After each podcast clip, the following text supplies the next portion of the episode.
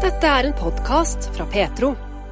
Det lå an til å bli en rolig lørdag 7. oktober med innlagt eh, kirkebesøk i Tel Aviv for gruppa med 21 norske turdeltakere. Gruppa var nesten til veis ende med sin ti dager lange Israelstur i regi av selskapet Plussreiser. Og en av reiselederne var Per Larsen, med lang fartstid fra slike turer, og med yrkesbakgrunn fra Den norske Israelsmisjonen. Men denne lørdagen, eller sabbaten i Israel, skulle bli noe helt annet enn rolig i det vesle landet i Midtøsten. Per Larsen forteller her fra si oppleving. Vi var kommet dagen før og hadde innkvartert oss på et hotell litt langt nord i, i, i Tel Aviv. Eh, og skulle ha en veldig rolig eh, lørdag. Det var sabbat. Eh, så jeg hadde tenkt at det, det, det skulle kunne gå veldig greit. Og, og jeg hadde tanker om å dra ned til Immanuelkirka for å delta på gudstjenesten den sabbaten. Altså en messiansk menighet i Tel Aviv? Riktig, som Israelsmisjonen har hatt det nå siden Magnus Solheim kom derfor. Ja. Eh, og, og eh, jeg hadde fått klarsignal at det var, var greit, og, og, det ønsket jo Morten Samuelsen, som var med meg som reiseleder. Ja, sangeren Morten Samuelsen. Veldig var... ønskelig å være med på gudstjenesten. Og noen hadde blitt enige om at vi rumla sammen noen taxier, og så, og så tar vi turen der. Det var planen for lørdagen. Men uh, da jeg våkna, så våkna jeg egentlig av en uh, sirene. Og tenkte det var noe underlig på en sånn høytidsdag som religiøst sett vil kunne sammenlignes med første nyttårsdag i, i, i vår sammenheng.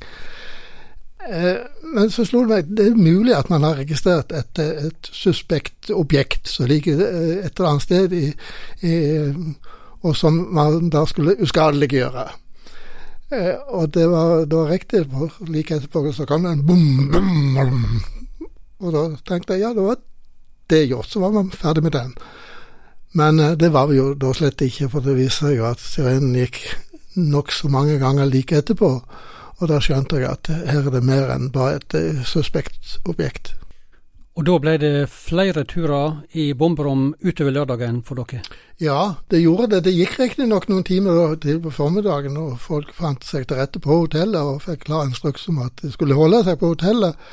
Eh, men det var svømmebasseng på taket, og det var jo mange som nytte det og kjente på det var godt å få med de siste solstrålene. Og eh, det var vel ikke mange som forlot eh, det. Det var ingen alarm som førte til at man måtte finne fram klær og, og springere. Men så var det snakk om lunsj, og det var ikke servert på hotellet. Så da sa hotellpersonalet at dere kan gå 100 meter opp i gata her, så, så finner dere en forretning og kan kjøpe noen dagligvarer og så noe drikke. Så det gjorde jeg jo. Så du ikke, merka dere til eh, disse angrepene, missilene som kom fra Hamas? Eh, nei, jeg kan ikke si jeg gjorde det, altså. Eh, andre påstår at jeg hadde sett noen sånne eh, røykstriper som steg opp eh, litt eh, lenger sør. Og det må det sikkert ha gjort. Jeg var ikke så veldig opptatt av å se etter det heller, for jeg kjenner jo til dette, dette skjoldet som israelerne har bygd opp av, av forsvarssystemer digitalt og virtuelt og elektronisk, eller hva det måtte være. Så, så, så der følte vi oss rimelig trygge. Og jeg tror nok gruppa òg skjønte at dette hadde liksom ikke skapt noen veldig panikk hos meg, i hvert fall. Og jeg har jo vært der nede noen ganger når det har vært styr og stell. Men eh, jeg var ikke så rent sikker på om, om dette ble noe krig. Det trodde jeg lite at det kom til å bli. Når gikk det opp for deg at dette var en svært alvorlig situasjon? Nei, det var vel da utover kvelden etter hvert da jeg skjønte at det her fortsatte jo. Og, og, vi var jo veldig spent på den natta, hva den kom til å bli, for vi skulle jo reise videre dagen etterpå. Ja, dere skulle hjem til Norge på søndag etter planen? Ja. ja. ja. Eh, og, og, det å sprenge opp og ned i bomberommet man, For man hadde jo pakka ned det man skulle, og hvor mye klær skulle man ha, og hvor mye skulle så, så, det var en, en, litt sånn uhyggelig situasjon akkurat der og da. Og stort ble det ikke når vi hadde sånn avskjedssamling i, i et møterom på hotellet på, på, kvelden.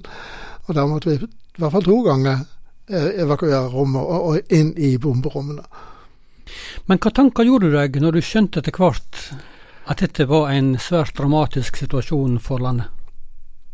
Det første jeg tenkte var jo på gruppa, at uh, vi er i utgangspunktet rimelig trygge.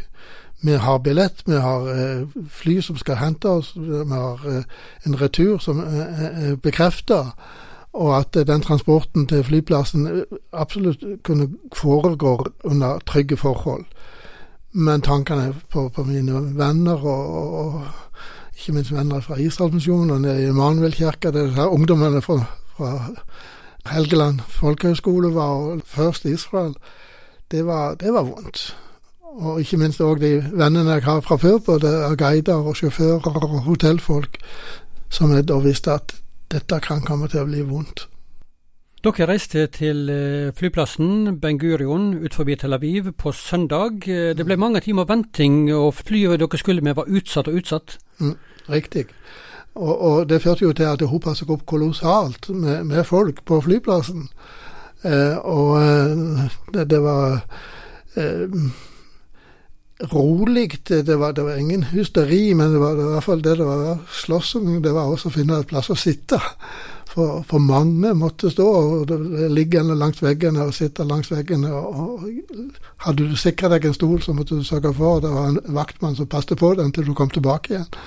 Eh, men, men stemningen var, var grei. Det var, det var, eh, folk satt og spilte Uno, og den gjengen jeg hadde med meg, og begynte å fortelle historier og vitser. og Stemningen var ganske, ganske festlig sånn sett, altså. Men det gjorde nok at uh, alvoret ble holdt litt på avstand, og, og det tror jeg kjentes godt. Dere kom dere videre til Istanbul på søndagskvelden, og så overnatta dere der, og hjem til Norge da på, på mandag nå den 9. oktober, ja. Eh, per Larsen. Det har gått noen dager, nå er det torsdag 12. Eh, oktober når vi snakker med deg nå. Hva tanker gjør du deg rundt det som har hendt nå i Israel, og, og eh, den krigen som nå er der? For det første så er det tanker på, på de som jeg kjenner, som en vet har eh, noen av sine egne ved fronten.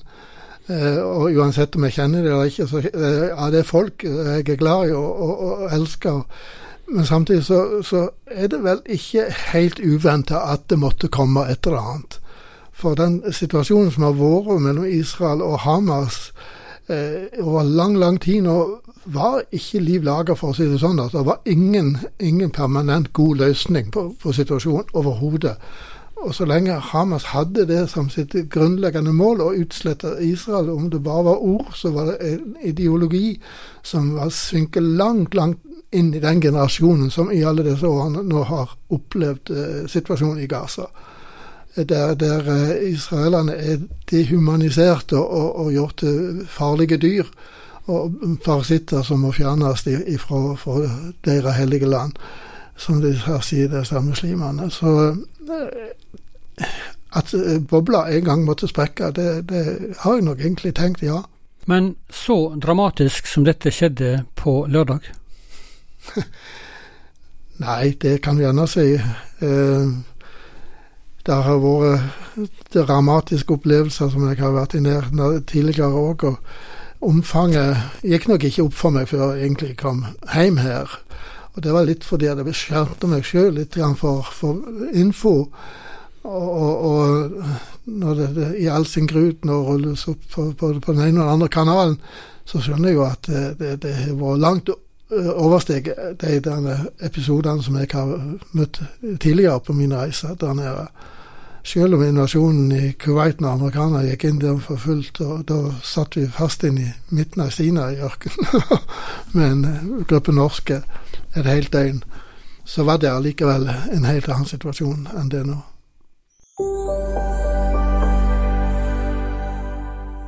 Som vi hørte tidligere i sendinga, mandag 9.10 kom Per Larsen tilbake fra Israel med ei gruppe norske turister etter å ha opplevd den dramatiske 7.10 i landet. Sin første tur til Israel hadde Per Larsen i 1978. Siden den tid hadde det blitt svært mange turer til Israel, både som tilsatt i Den norske Israelsmisjonen og som reiseleder på gruppeturer. Men når vi spør etter hvor mange ganger han har vært i Israel i løpet av de siste 45 åra, så har han kommet ut av tellinga. Men 50-60 ganger har det i alle fall blitt, forteller Per Larsen. Ja, det er det blitt. Ja. Og, og, som ansatt i Den norske Israelsmisjonen så ble det jo da en, en, eh, viktig oppgave å ha nær kontakt, og ikke minst òg sørge for at eh, våre medlemmer og venner fikk anledning til å komme til Israel. Og det ble noen større konferanser jeg har deltatt på der. Det var en så uh, nei, det er mange ulike opplevelser der nede. Og ikke minst som, som reiseleder og kursleder, så har jeg hatt utrolig mange gode opplevelser. Hva er grunnen til at du har eh, reist så mye til Israel? Hm. Ja, det kan du gjerne si. Det var nok en eh, greie som, som dukka opp i meg eh, på de aller første turene.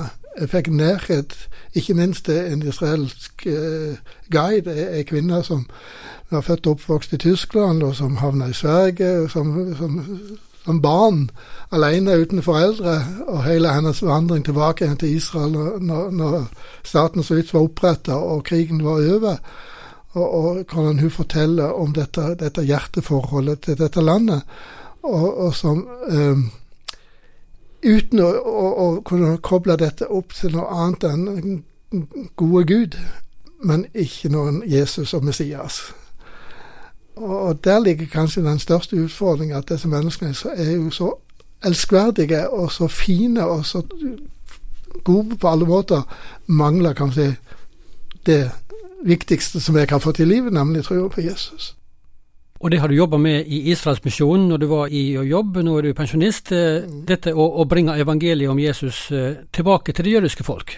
Ja. Det er det det har gått i? Ja, ja, ja. ja, ja. Og det gjør det for så vidt fortsatt. Og jeg er stadig og peker bort i disse her som treffer der nede. Og, og senest nå den guiden som vi hadde, som um, jeg vil anta er veldig nær å, å, konkludere med ja, Jesus må jo være Messias, den ventede Messias.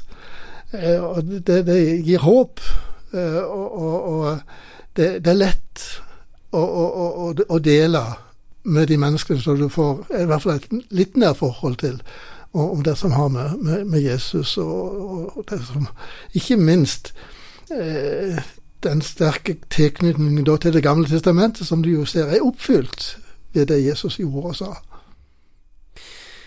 Eh, per Larsen, eh, mange år, mange turer til Israel gjennom mange år for deg. Eh, hva tenker du om at det nå er krig i landet igjen? Ja, det er så, så, så, så tungt og vanskelig å tenke seg og, føle at det ennå ikke er mulig å finne en ordning med de naboene som det jødiske folk er omgitt av. Og at det er så hevngjerrige og så grusomme tanker i, i den sammenheng. Gud har ført dem tilbake til dette landet, det er jeg overbevist om, og det er Guds vilje. Og så er det da en makt som står imot Guds vilje. Men Gud er mektig, og han vet hvordan han skal finne ut av dette her. Og vi får bare lite på at eh, Israels Gud er på tronen ennå. Hva tenker du som kristen eh, at uh, kristne i Norge kan gjøre med tanke på Israel og det som skjer i Midtøsten akkurat nå? Nei, Det er jo viktig å holde seg orientert og, og prøve å finne eh, kilder til informasjon som er pålitelig. For i sånne sammenhenger så sprer det jo forferdelig mye rare ting som en kan være ganske forvirra. Og, og, kjenner man på at dette er en trygg kilde som du har eh, fått, så må du bare hente informasjon ifra den. Eh, men, men uh, Nei, altså det, det kan vi i hvert fall gjøre.